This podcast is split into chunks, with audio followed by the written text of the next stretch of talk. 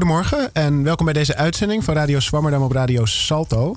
Net als vorige week ben ik Bouke Kok en vandaag zit ik weer gewoon in onze studio naast onze gast van vandaag, Virginie Mamadou.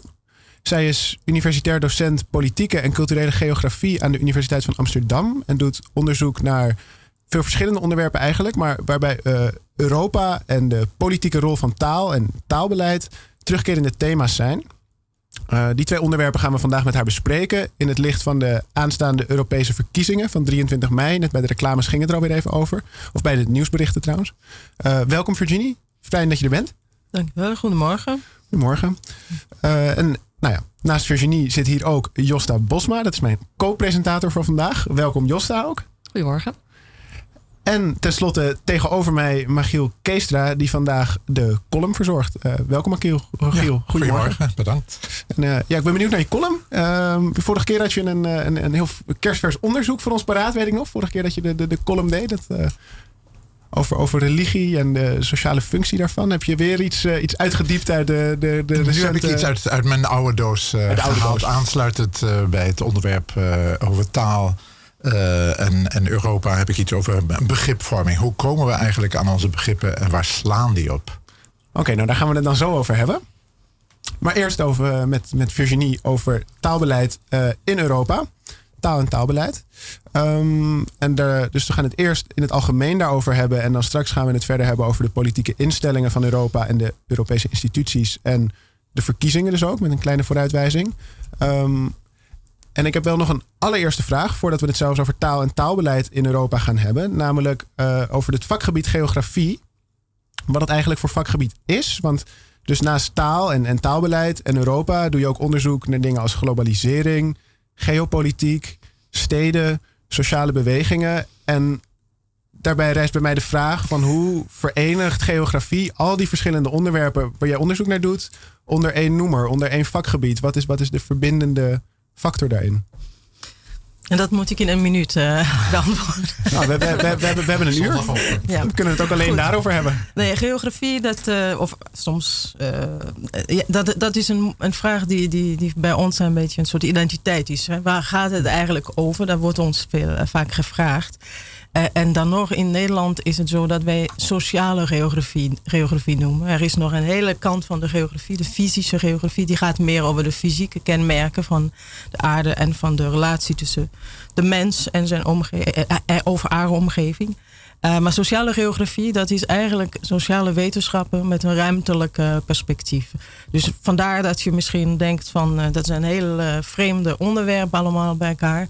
Wat, wat, wat, wat bindt is de manier van kijken. En dat is dus vooral aandacht voor ruimtelijke aspecten, van uh, ruimtelijke dimensies uh, van, van dat allemaal. En zoals je zei, mijn specialisatie is politieke en culturele geografie. Dus ik kijk vooral naar politieke en culturele verschijnselen. En dat ruimtelijke aspect, dat kan betekenen dat je vooral dat je, dat je aandacht hebt voor het feit dat al die verschijnselen, die andere disciplines apart bekijken. Dat zij uh, in, in, in, in een plaats uh, en die relaties met elkaar bestaan. En dus voor ons maakt het wat uit als we het over talen hebben, dat we over talen hebben in een bepaalde plaats of in een bepaalde in een bepaald gebied of in relatie tot andere plekken, maar niet in abstracto naar na, na taal. En dat geldt dus ook voor de andere onderwerpen.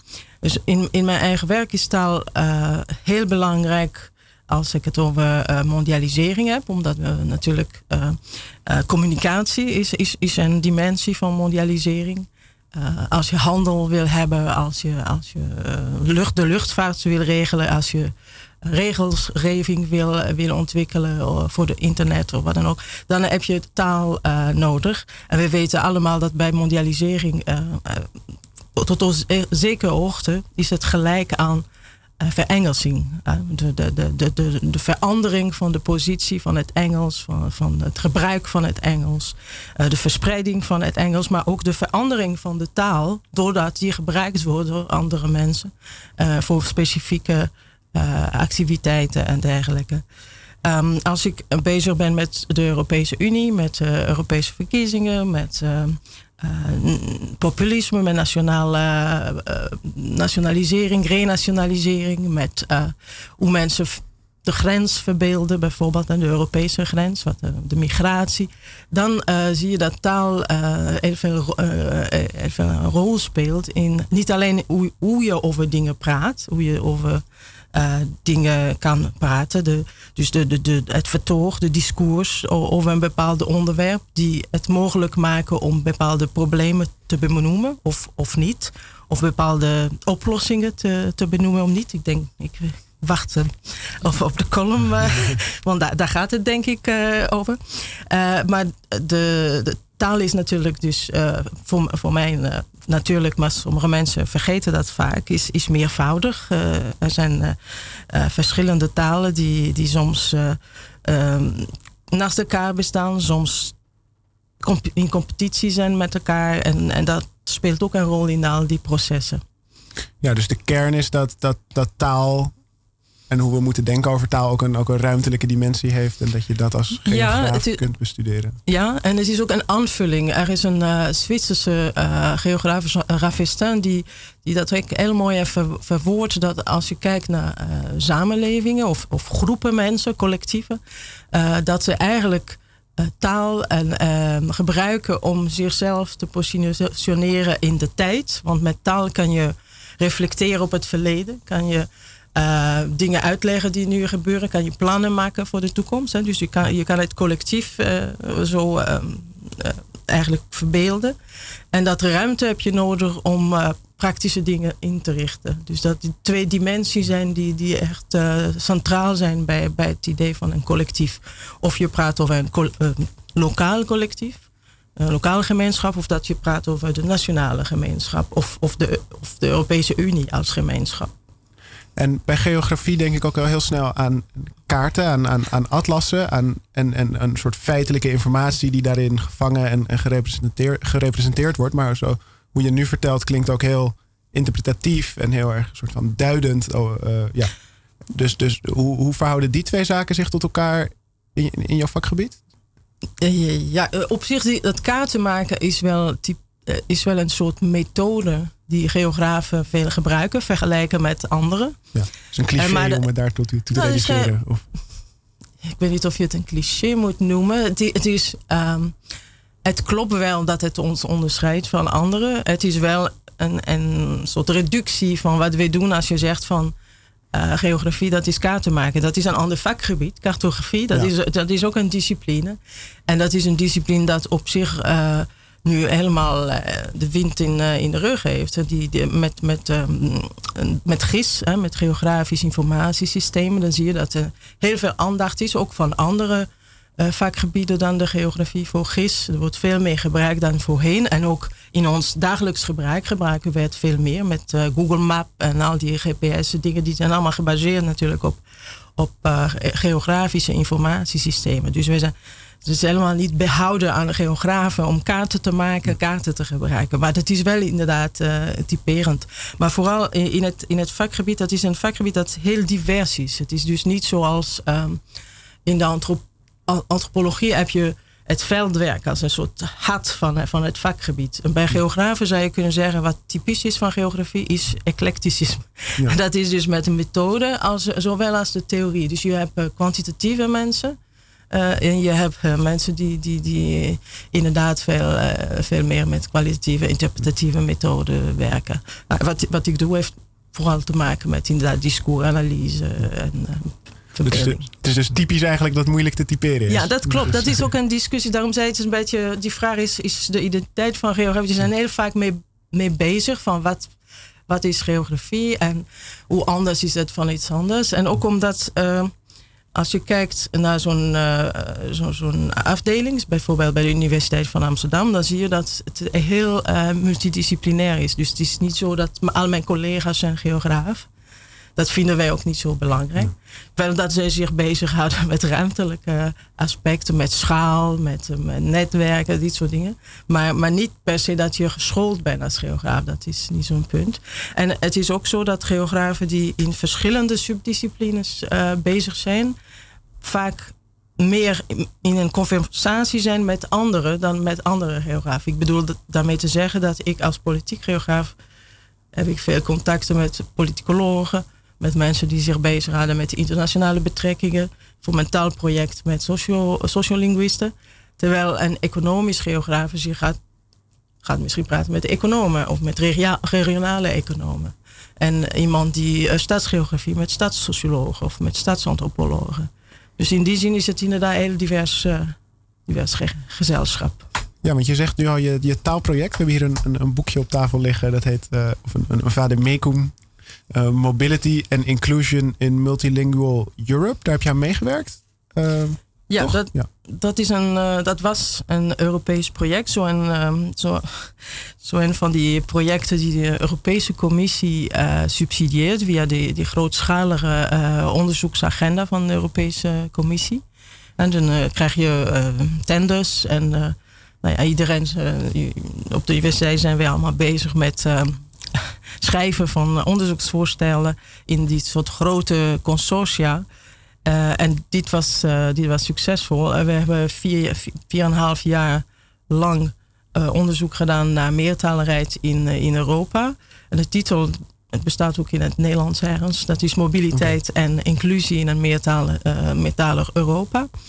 En het boekje waar, waar je naar verwijst is een, een, een vademecum voor stakeholders, voor, voor, mij, voor belangstellenden. Dus niet, uh, het is niet het academisch resultaat van het programma, maar echt een vertaalslag naar, uh, het zijn een stuk of 70 uh, eh, stukken over taalkwesties die te maken hebben met meertaligheid op het werk, um, in gezondheid, op het, in, in, het onderwijs, maar ook andere vragen daarover die iedereen kan hebben. En het bijzondere aan het project was dat het is niet een project van taalkundigen of taal socioloog of, taal, of sociolinguïsten. Uh, die, die zitten ook in het team, maar het zijn vooral een, een, breed, een brede team van, van sociaal wetenschappers. Dus er waren elf verschillende disciplines. Dus een filosoof bij, politicologen, economen, een geograaf dus, sociologen.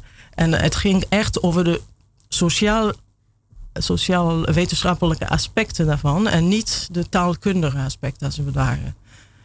Ja, hoe ziet zo'n samenwerking uit tussen al die verschillende vakgebieden als dat bij elkaar komt? Dat is dus ontzettend uh, moeilijk. Want je denkt dat je over hetzelfde praat, maar dan merk je elke keer dat je hele andere aannames.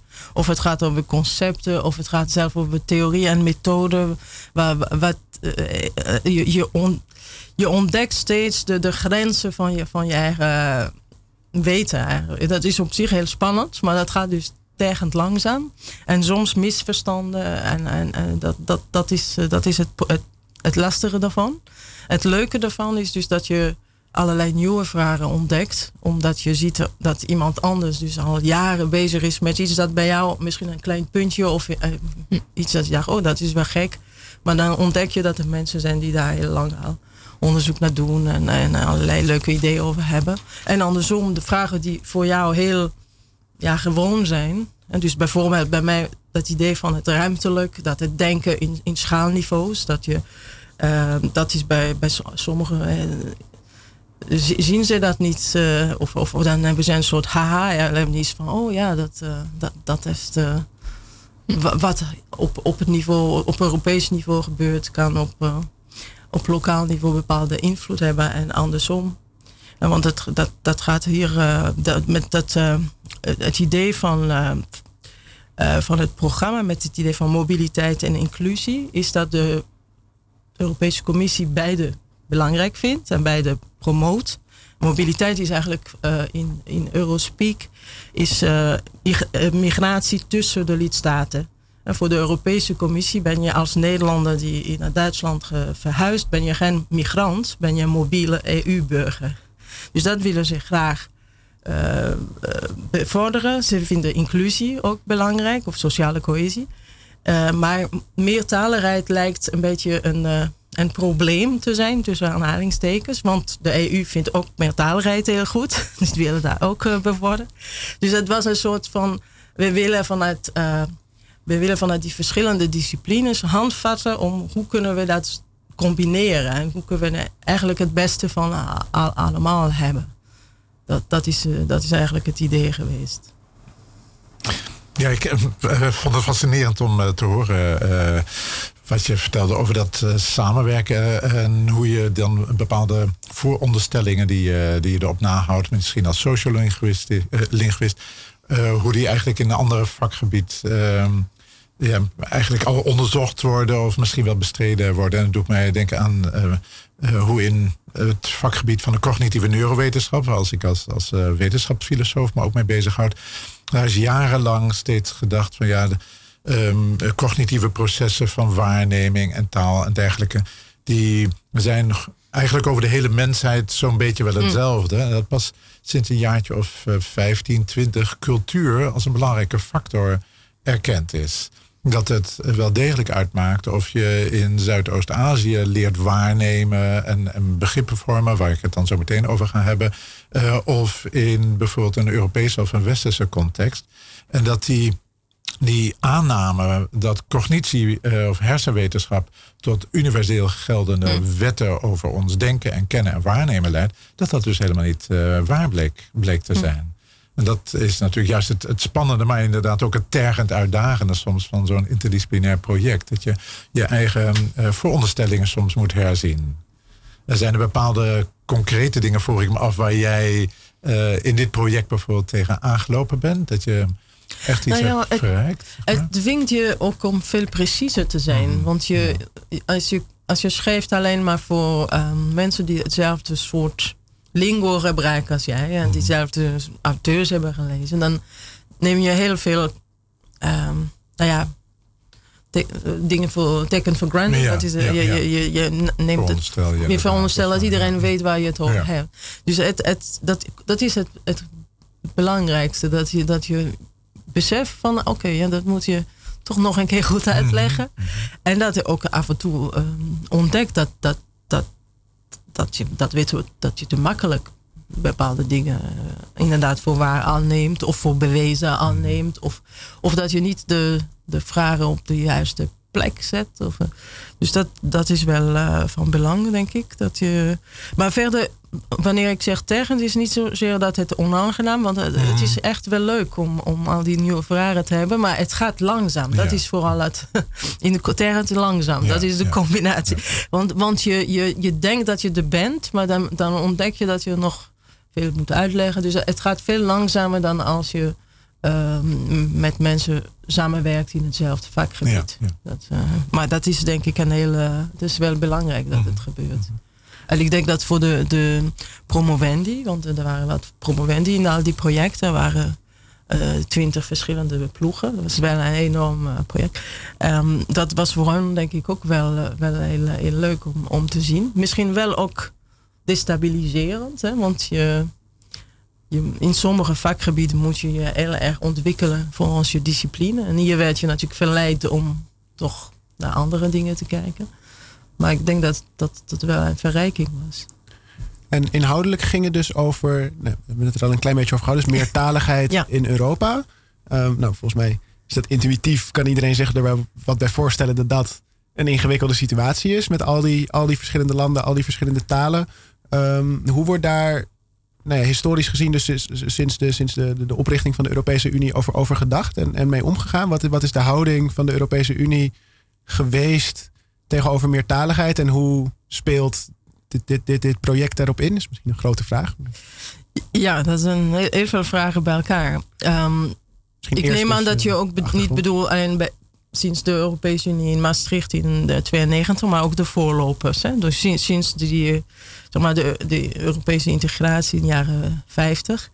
Um, ehm, met de Europese gemeenschappen en dat wat in de jaren 90 de Europese Unie is geworden. Um, er zijn ja, er zijn veel dimensies aan, aan die vraag. De ene heeft te maken van hoe functioneert zoiets. En ehm, wat er bijzonder is aan de Europese Unie, is de erkenning van de nationale, uh, de officiële staatstalen als, als uh, officiële talen. En dus dat maakt, dat maakt het dus anders dan andere internationale organisaties. Als je denkt aan de VN of als je denkt aan uh, ASEAN of over de NATO en, enzovoort. En in de EU is, is de bedoeling dat alle stadstalen um, officiële talen zijn. Het lijkt... Wat, hoe werkt dat in de VN? Hebben ze dan gewoon één, uh, twee? Ik weet, ik weet, ik heb geen idee hoe dat. Ze hebben, de, ze hebben um, een aantal eh, officiële talen, maar bij de, de algemene vergadering, uh, ja, dan, dan, gaat het met de, de meeste dingen gaan in het Engels en het Frans. Ja. ja en dan is het ook Spaans en Arabisch en Chinees en Russisch, maar dat, dat is minder van belang. Oké, dus een paar talen en dan in Europa echt alles uh, naast elkaar. Ja, bijvoorbeeld de Raad van Europa, dat een andere internationale organisatie is op het gebied van mensenrechten. Die, die werkt alleen in het Frans en in het Engels. Uh, NATO, het, hetzelfde. Dus dat, dat is bijzonder eraan. Maar wat, waar we het hier over hebben, is ook um, wat de EU doet aan, um, aan wat er gebeurt in de samenleving. En daar heeft op zich direct de EU heeft, heeft niet echt uh, bevoegdheden om iets aan te doen. en het is meer indirect. En indirect heeft de, de, de, de, de commissie altijd uh, meertaligheid bevorderd, geprobeerd uh, dat te aanmoederen. Maar heeft, de, de commissie heeft geen bevoegdheden op het gebied van onderwijs bijvoorbeeld. Dus die, die, die, die legt niks op. Die, die probeert de, de lidstaten te, te verleiden tot meer meertaligheid in het onderwijs. Uh, voor Nederland is het een vreemde discussie, omdat in het middelbaar onderwijs in Nederland van oudsher al drie vreemde talen waren verplicht. Maar in, er, zijn, er waren lidstaten waar dat niet was, niet eens één. Dus dat, dat, dat hebben ze geprobeerd uh, te, te, aan te moedigen. Uh, indirect heeft de Europese Commissie natuurlijk wel met uh, meertaligheid te maken, omdat het, uh, het beïnvloed wordt door de interne markt. Als je een interne markt wil hebben, dan heeft het taalkundige consequentie. Bijvoorbeeld, um, als je vindt dat de goederen zomaar van de ene naar de andere lidstaat kunnen, dan kom je met het probleem van etikettering en gebruiksaanwijzing. Eh, moet je verplicht stellen dat de gebruiksaanwijzing aanwezig is in de taal van de consument.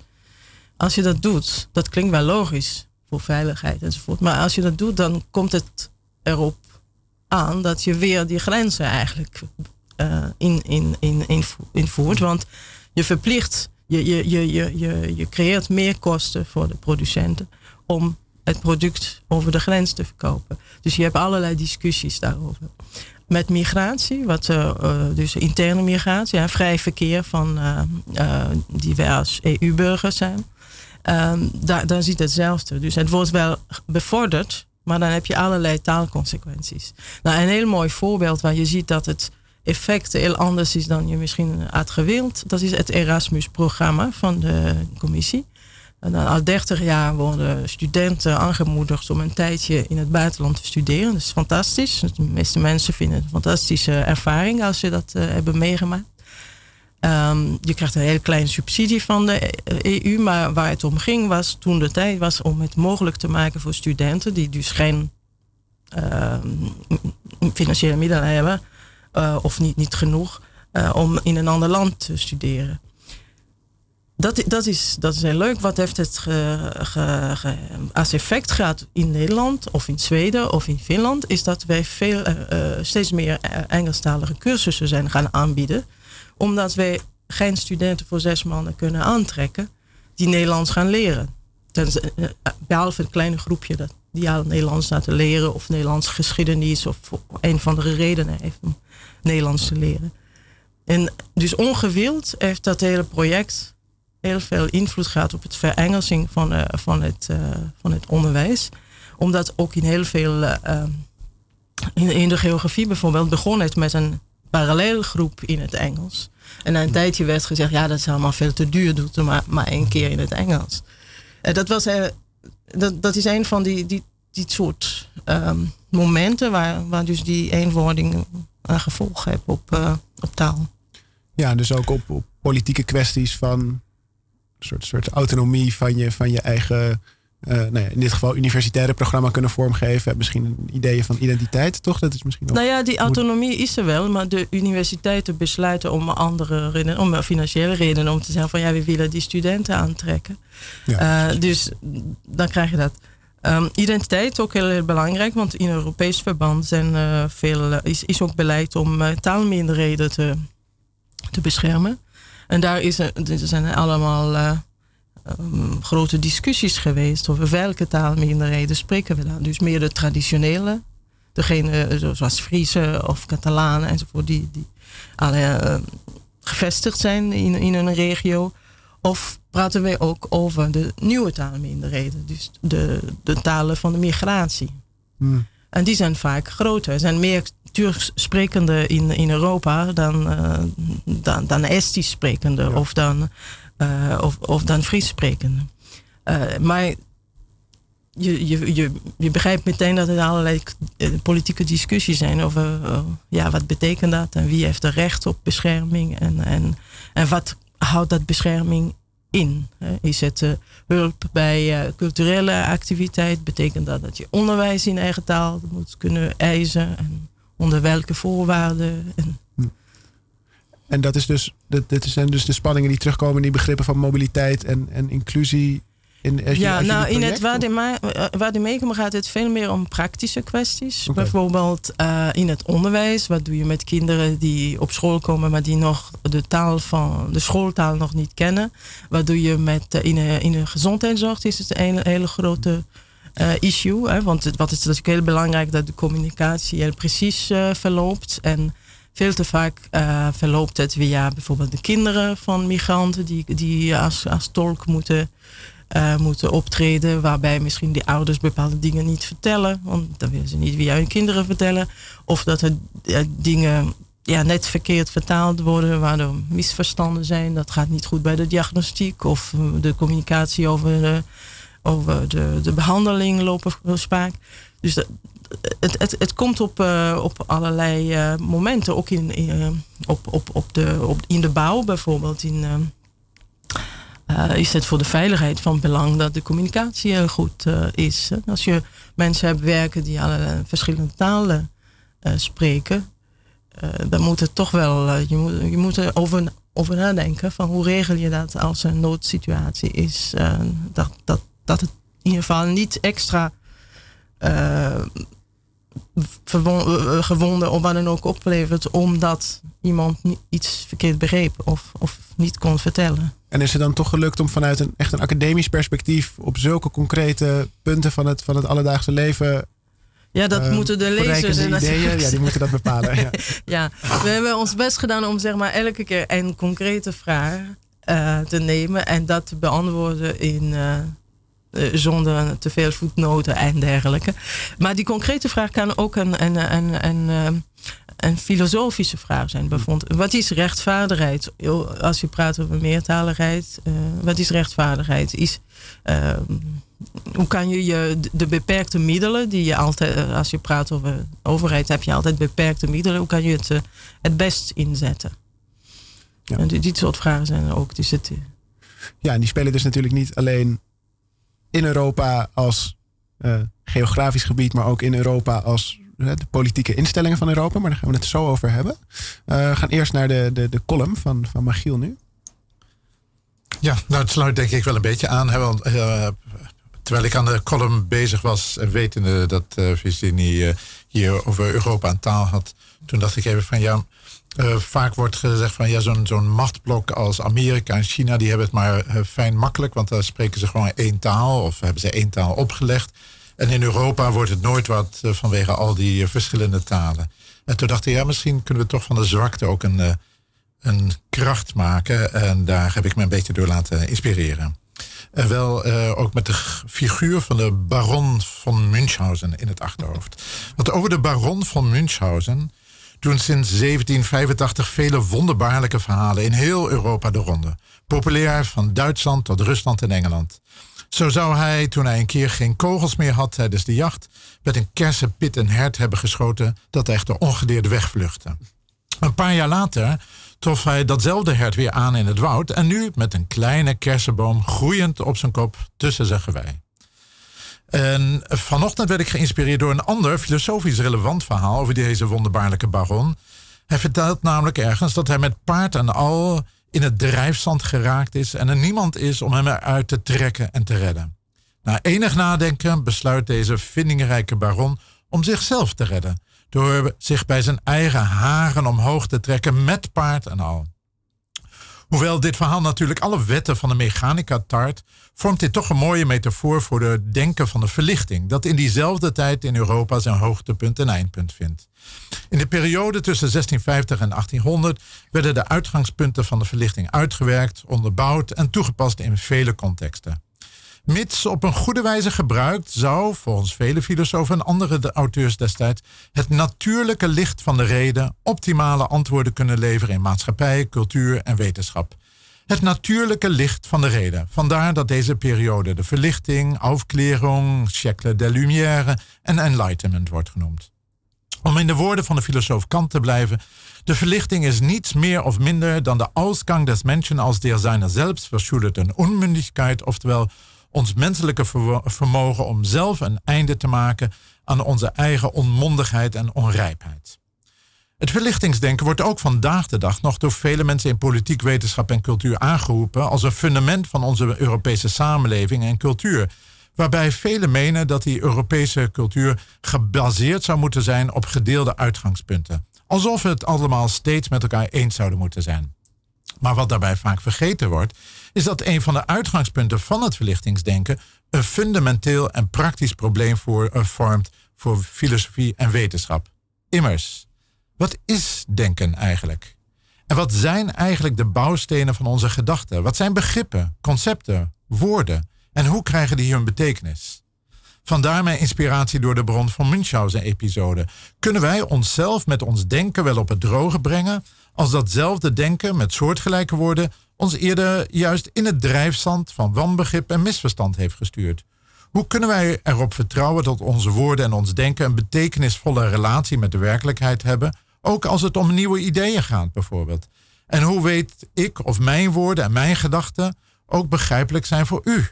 Voor u die misschien wel dezelfde woorden gebruikt als ik, maar daarmee misschien aan heel andere zaken en betekenissen denkt dan ik. Om die vraag meer principieel te stellen, leg ik kort de grofweg drie theorieën over de herkomst van onze begrippen en concepten voor, zoals filosofen en cognitiewetenschappers die heden ten dagen huldigen. De eerste theorie over begrippen is dan een exemplaartheorie. Iedereen leert begrippen doordat we bijvoorbeeld een aantal exemplaren van een hond tegenkomen, waarbij dat, hond, dat woord hond uh, door de mensen eromheen gebruikt wordt. Als wij dan weer een nieuw dier tegenkomen, tegenkomen, dan vergelijken wij dit onder andere met Vicky, Bello en Poedel. En als die nieuwe viervoeter genoeg lijkt op deze exemplaren, dan, dan plakken we het begrip hond op het nieuwe beest. Naast deze exemplaartheorie is er een zogeheten prototype-theorie, die ervan uitgaat dat wij bij het zien van allerlei beesten met het label hond langzamerhand in ons brein middels statistische processen, automatisch en onbewust, een soort van hond-prototype opbouwen. Vierpoten, harig, maakt een blafachtig geluid, kwispelt enzovoort. Als derde theorie, naast de exemplaartheorie en prototype-theorie, is er dan nog een zogenaamde theorie-theorie. Ja, het wordt een beetje ingewikkeld. Theorie-theorie. Um, en die stelt dat wij onbewust allerlei redeneringen en definities over de betekenis en het gebruik van begrippen leren. Daarmee, met die redeneringen en definities, zijn we vervolgens in staat om onbewust en impliciet nieuwe toepassingen van woorden te genereren. Ook al hebben wij nog geen dode hond gezien, we hebben wel een impliciete theorie dat alles dat blaft en springt een levend dier is. En dat iets dat leeft ook kan sterven. Net zoals we dat misschien wel bij vermoorde kevers en varkens hebben gezien. En vandaar trekken we impliciet de conclusie wat een dode hond is. Deze drie theorieën blijken individueel allemaal hun tekortkomingen te hebben en niet alles te kunnen verklaren. Immers, ook al hebben we nooit een exemplaar met drie poten gezien of zonder haar of staart, we herkennen Fido toch vlot als een enigszins gemankeerde hond. Of ook al hebben wij verschillende prototypes voor hond en voor wolf in ons hoofd, als een geneticus ons vertelt dat op basis van DNA we een bepaalde wolfsoort eigenlijk als hond moeten beschouwen, dan kunnen wij toch van het ene op het andere moment ons woordgebruik aanpassen, ook al zouden we daarvoor statistisch gezien een hele reeks van waarnemingen nodig hebben. En tot slotte gebruiken we allerlei begrippen op redelijk correcte wijze, terwijl we toch weinig relevante wetmatige kennis hebben om allerlei theoretische verbanden te bedenken, zoals de theorie-theorie veronderstelde. Maar naast die tekortkomingen is er nog een veel fundamentele probleem. Het probleem dat ze alle drie veronderstellen dat de vorming van onze begrippen en ons denken afhankelijk is van de ervaringen die wij van jongs af aan individueel opdoen in een bepaalde omgeving en met bepaalde instructies door onze opvoeders en leraren en zo. Mede vanwege dit soort overwegingen hebben veel auteurs betoogd dat we niet uitsluitend aandacht aan individuele processen moeten besteden, omdat wij die begrippen dus leren in sociale situaties. Daarom hebben filosofen als Donald Davidson, maar ook meer historische auteurs als Hegel en Nietzsche zich afgevraagd hoe deze sociale of intersubjectieve context een rol speelt bij begripsvorming. Davidson wijst daarbij op het veel voorkomende proces van triangulatie, waarbij twee mensen, bijvoorbeeld een ouder en kind of een onderwijzer en student, met elkaar naar de werkelijkheid kijken en zich daarbij gezamenlijk over die werkelijkheid een begrip vormen. Door in zo'n proces onze individuele begrippen tegelijkertijd te vergelijken met elkaar en te toetsen aan de werkelijkheid, bijvoorbeeld een passerend huisdier, vormen wij langzamerhand begrippen die voldoende samenhang hebben met die werkelijkheid en samenhang hebben met de begrippen van elkaar, om vervolgens ook nog eens met elkaar weer een zinvol gesprek te voeren over de werkelijkheid. We zouden echter niet moeten vergeten dat zo'n proces van gezamenlijke begripsvorming nooit definitief afgesloten kan worden. De samenhang tussen onze begrippen en met de werkelijkheid dus nooit compleet is. Bovendien is er bij dit proces van triangulatie, van gezamenlijke vergelijking van onze begrippenkaders en de wereld, juist zinvol wanneer er enige verschillen zijn tussen die begrippenkaders. Omdat je vooral dan pas wordt uitgedaagd om met elkaar opnieuw die wereld en je eigen begrippen te onderzoeken. Dat levert zinvolle vragen op als moet elke hond een staart hebben? En kunnen andere dieren misschien ook blaffen?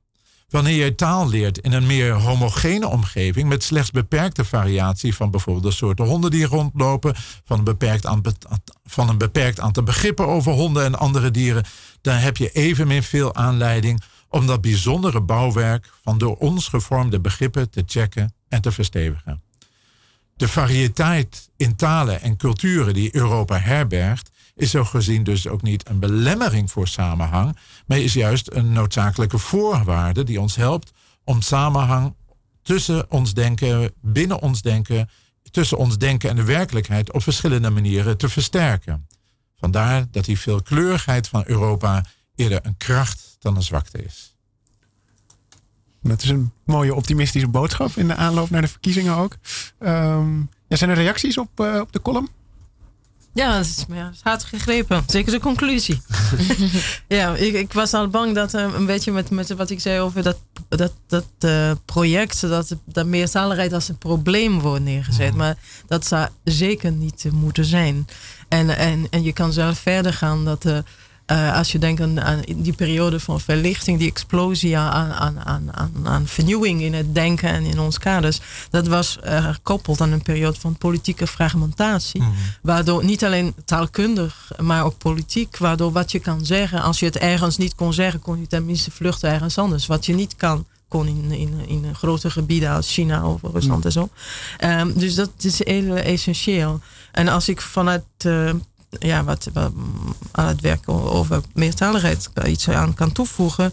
Um, zowel op het, het, het, het, niveau van het kind, hè, waar, waar je zegt die, die leert zo'n zo'n begrip, dan weten wij ook dat meer kinderen die van, van, meta, van metalig zijn, omdat ze met meertaligheid moeten omgaan, uh, veel jonger zijn als ze beseffen dat een ding en een woord dat niet hetzelfde is. Hè?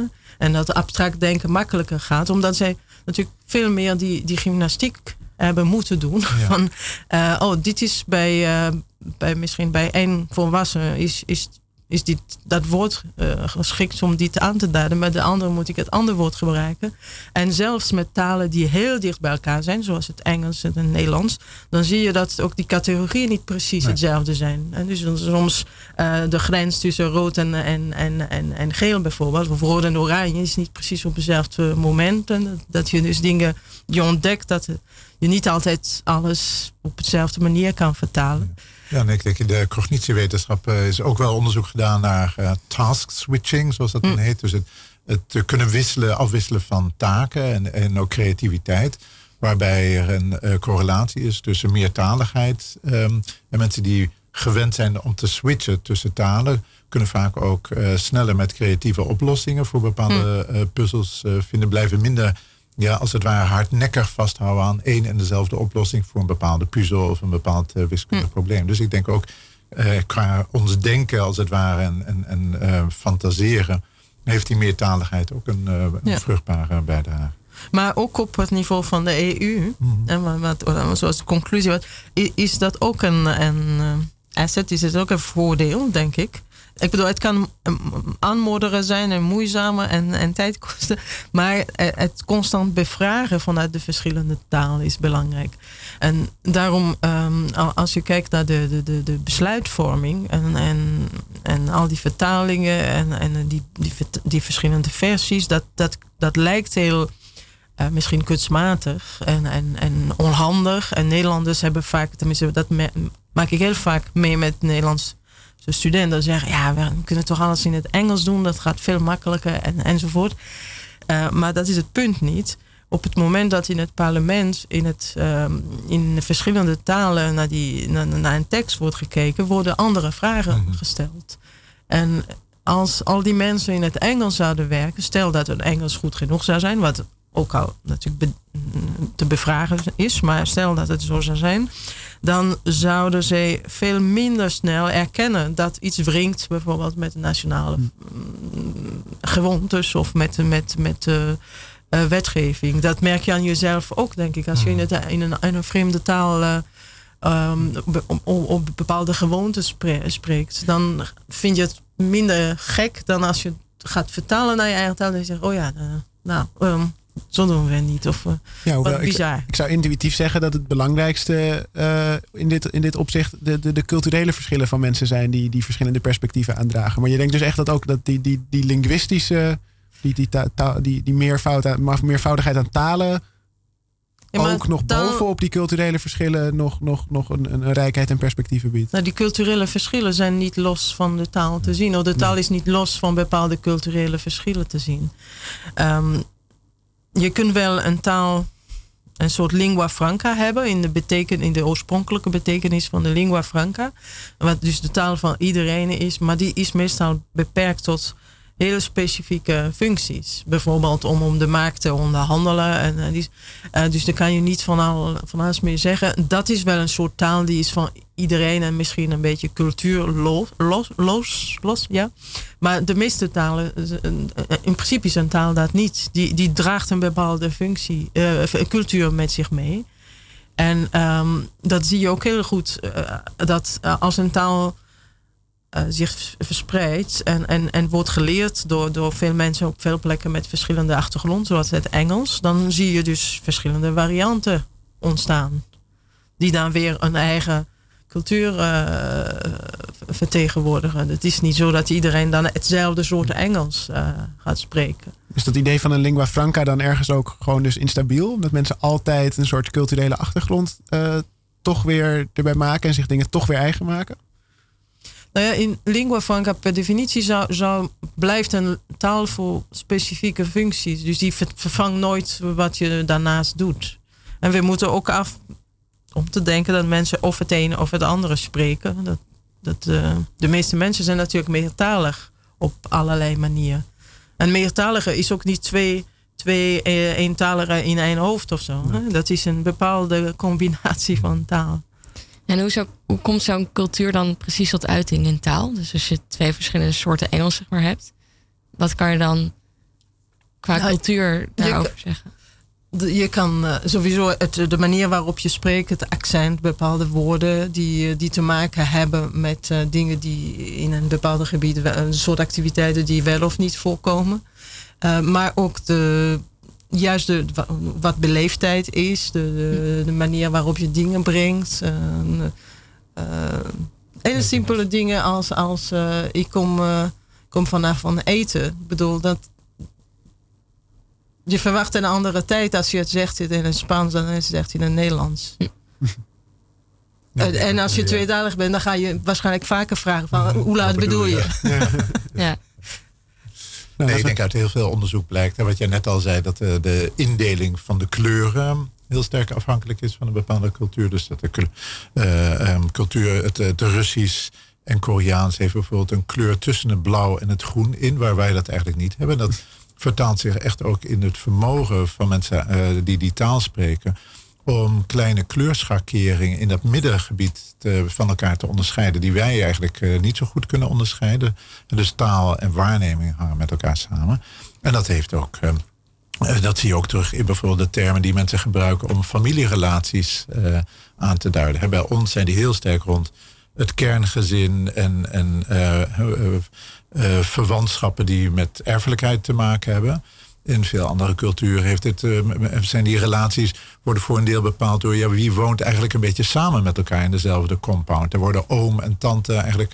Nou, ik heb nog wel geleerd oom en tante te zeggen aan mhm. mensen die heel vaak thuis kwamen, ook al waren ze geen familie van ons. Nou, een dergelijke oom en tante wordt eigenlijk niet meer bij ons gebruikt. Oom en tante is steeds meer een, een term geworden voor mensen die echt verwant aan je ouders zijn. En zo heb je dat op heel veel uh, terreinen, kom je die culturele verschillen tegen.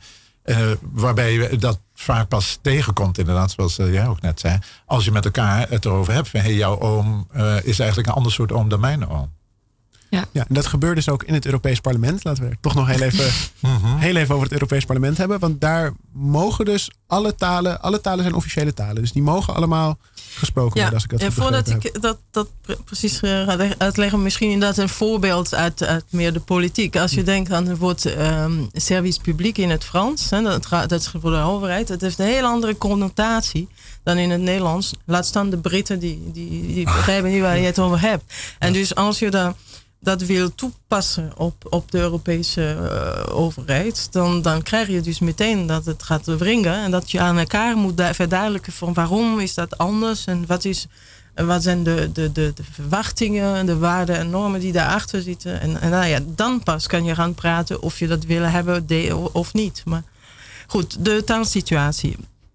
Um, toen het begon met zes lidstaten in de jaren 50 uh, met de, de, Europese gemeenschap van kolen en staal, was Frans de officiële taal. Uh, Frans was tot de Eerste Wereldoorlog de taal van de diplomatie. Dat heeft toen de, um, de, de, de, Winston, de Amerikaanse president, toen die een hele grote stempel drukte op de vredesconferenties van Versailles heeft dat uh, veranderd. Die heeft toen geëist dat het Engels ook erbij als taal. En sindsdien is het Engels uh, opge, opgetrokken. Maar in diplomatieke kringen in de jaren 50 was Frans nog heel belangrijk. Dus het verdrag was in het Frans en uh, de andere talen werden minder gebruikt. Maar met het verdrag van Rome, de Europese Economische Gemeenschap, daar hebben ze iets, iets heel innovatief gedaan. Ze hebben gezegd, het verdrag is um, gelijk in alle officiële talen. Er waren toen vier, dus Frans, Duits, ne Italiaans en, en Nederlands. Zes lidstaten, maar vier uh, talen. En dat was best uh, ingewikkeld. Dat was natuurlijk symbolisch bedacht, maar technisch is het ingewikkeld. Dat betekent dat als er een juridisch probleem is, of als iemand een, een, een zaak begint, men gaat dus kijken in alle versies van het verdrag of het er wel echt hetzelfde staat en of er misschien een andere interpretatie is en zo. Dus het, het, het uh, legt een hele grote druk op de vertaal, uh, vertaaldiensten, want het moet echt precies kloppen. En dus eh, een grote verdrag, zoals, zoals de verdrag van Lissabon, die, die dus gaat over, over de hervorming van de EU, dat wordt niet alleen vertaald in al de officiële taal, maar dan wordt nog elke vertaling wordt weer gelezen en er vertaald, zodat iedereen kan checken dat het wel goed zit. Maar goed, in de loop van de uitbreidingen zijn officiële talen erbij gekomen. Bij de eerste uitbreiding in 1973 hebben ze nog gedacht van ja, dat worden wel heel veel. En toen hebben de Denen, die toen een nieuw lidstaat waren, hebben ze voorgesteld van oké, we, we gaan akkoord met niet het Deens erbij te doen. Alleen maar Frans en Engels, maar op één voorwaarde. De Fransen moeten Engels spreken en de Britten moeten Frans spreken. dat uh, ging niet door. En sindsdien is het eigenlijk de gewoonte dat de nieuwe lidstaten één taal kunnen voordragen. En zo zijn wij op die 24 officiële talen gekomen. Nou, daar binnen de, de, de, de, in, het, in, in, in de officiële stukken staat er zijn 24 officiële en werktalen, maar er staat verder niet wat het precies betekent. Dus je kan het lezen als een werktaal is een van die 24, maar je kan het ook lezen, we, we moeten die 24 altijd tegelijk gebruiken. Ja. En, en uh, daar zijn dus uh, binnen de instellingen zijn er verschillende uh, reglementen. En het parlement is de, uh, is de instelling die het meest, het breedst doet. Die heeft wel 24 of, uh, werktalen. En dat is ook logisch, want uh, in het parlement kan iedereen gekozen worden. Dat zou een beetje gek zijn als je kiesrecht hebt en dan wordt er gezegd: ja, maar alleen als je een bepaalde taal spreekt.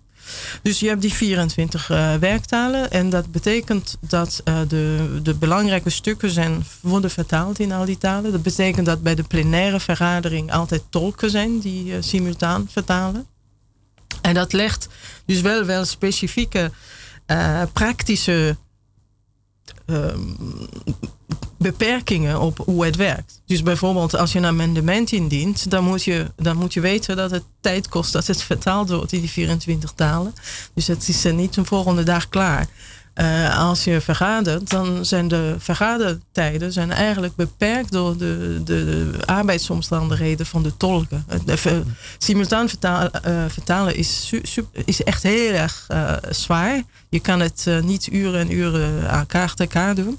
Dus dat, dat legt soms een druk op de ver, vergadertijd. Ja. En dan krijg je ervan dat in het Europees Parlement mensen spreektijd hebben van een minuut, anderhalf minuut en zo. Dat, dat ziet er heel raar uit. Maar dat heeft te maken met het feit dat ze niet tot midden in de nacht kunnen doorvergaderen zoals uh, andere parlementen misschien dat wel kunnen. Ja, wij zitten ook een klein beetje in de druk met de, met de radiotijd. Maar we kunnen misschien nog heel even gaan luisteren naar die meertaligheid in het Europees Parlement. Dan moeten we dus fragment 5 afspreken. Even voor de techniek. Uh, ja. Si, zamykam tę debatę i głosowanie odbędzie się jutro. Dziękuję wszystkim.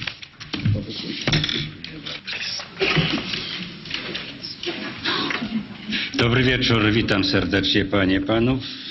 Kolejny punkt porządku obrad to oświadczenie Rady i Komisji Stosunki Unia Europejska-Chiny. W imieniu Rady bardzo proszę Panią Minister Ciot o zabranie głosu. President, honorable members, Commissioner, China is currently very high on the European political agenda. This is reflected in the recent dynamics of high-level. Ja, en dit, dit is dus hoe het er dan aan toe gaat. Dus je hoort gewoon verschillende talen. Of nou ja, ik, ik weet eigenlijk niet of die eerste twee. Dat was dezelfde taal. Ik heb dat ook niet kunnen, kunnen achterhalen wat dat nou precies is. Maar het is, het is best een gekke gewaarwording dat je gewoon mensen door elkaar heen verschillende talen hoort praten. En dan opeens toch weer Engels. En dan toch weer iemand in, in, de, in de eigen taal. En dat, dat, is, dat is een soort mengelmoesje van, van, van, van talen heb je. Ja, je kan het zo noemen. Uh, uh, mengelmoesje is misschien wat, wat, wat, wat neerbuigend. Maar... Het is in ieder geval iets waar je je aan moet wennen als je daar uh, ja. gaat werken. Uh, die fragmenten kun, kan iedereen wel op de site van het Europees Parlement zien. Als je, als je de plenaire vergadering, uh, daar zijn podcast. En het, je kan het horen wat het origineel is. Dan krijg je dus elk spreker spreken de eigen taal.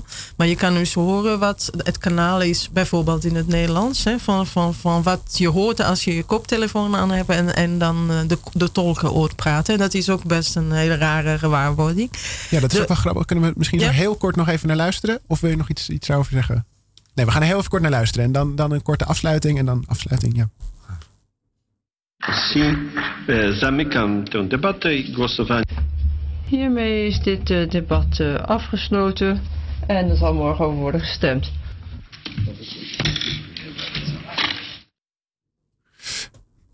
Ja, dus zo hoor je... Ja, en, en het, het klinkt wel raar. En je kan dan zeggen van, nou, werkt dat dan goed? De, het alternatief is natuurlijk dat je denkt dat de politici die, die dan in het Engels gaan praten, dat beter doen. En dat terwijl zij zijn, ze zijn daar gekozen om, om wat, ze, wat ze willen met, met de EU. Uh, ze hebben andere kwaliteit. Zij zijn niet gekozen omdat ze heel goed Engels kunnen of heel goed uh, Frans. Um, het is wel belangrijk voor hun werk, want ze hebben het nodig voor alle informele uh, onderhandeling met anderen. Of als je met lobbygroepen of, of fractievoerders of wat dan ook spreken. Maar uh, in, in die formele situatie is het toch wel heel fijn dat ze in hun eigen taal zich kunnen uitdrukken. En dat iemand anders het, het zo goed mogelijk vertaalt naar die, naar die andere talen. Het, het is wel een beetje, het, het klinkt vreemd, maar denk dat, het wel een, een betere manier is om om te gaan met de, de, de diversiteit die er is dan als wij zouden denken dat, dat, dat het allemaal zou kunnen zoals we dat doen uh, op, uh, in, een soort Erasmus-setting waar iedereen zo'n beetje Engels babbelt.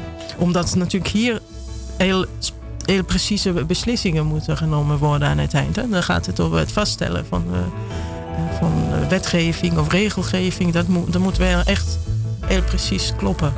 Ja, maar toch kiezen veel mensen er dus wel voor om toch in het Engels te praten. Ja, dat komt wel voor. Uh, Nederlanders bijvoorbeeld doen dat.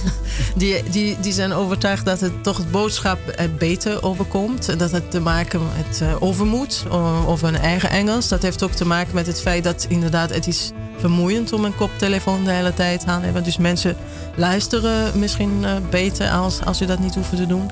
Maar de tolken worden daar heel erg uh, van. Want dan moeten ze heel veel harder werken om al die rare accenten dan uh, goed te begrijpen. Of om te rectificeren en te denken, oh die persoon zegt dit, dit maar bedoelt eigenlijk dat. gaan afkappen. Ja, de uitzending zit er namelijk alweer op. Virginie Mamadou was vandaag de gast. Enorm bedankt voor je, voor je komst. Ook bedankt aan Josta, mijn co-presentator. En natuurlijk aan Magiel voor zijn column. Thomas Batelaan was uh, onhoorbaar vandaag, maar ook onmisbaar. Hij deed de techniek. En zal de uitzending later vandaag online zetten. Die is dan te vinden op de website radioswammerdam.nl. Als podcast op Soundcloud, iTunes en Spotify. Je kunt ons volgen op Facebook, Twitter. Je kunt ons een mailtje sturen op redactie.radioswammerdam.nl. En uh, volgende week is Geertje hier. Ik weet nog niet waar het over gaat. Maar spannende dingen heb ik voorbij horen komen over fantasy. Ik weet niet of dat inderdaad het wordt. Maar we gaan dat volgende week allemaal horen. En voor vandaag uh, nog een heel fijne zondag.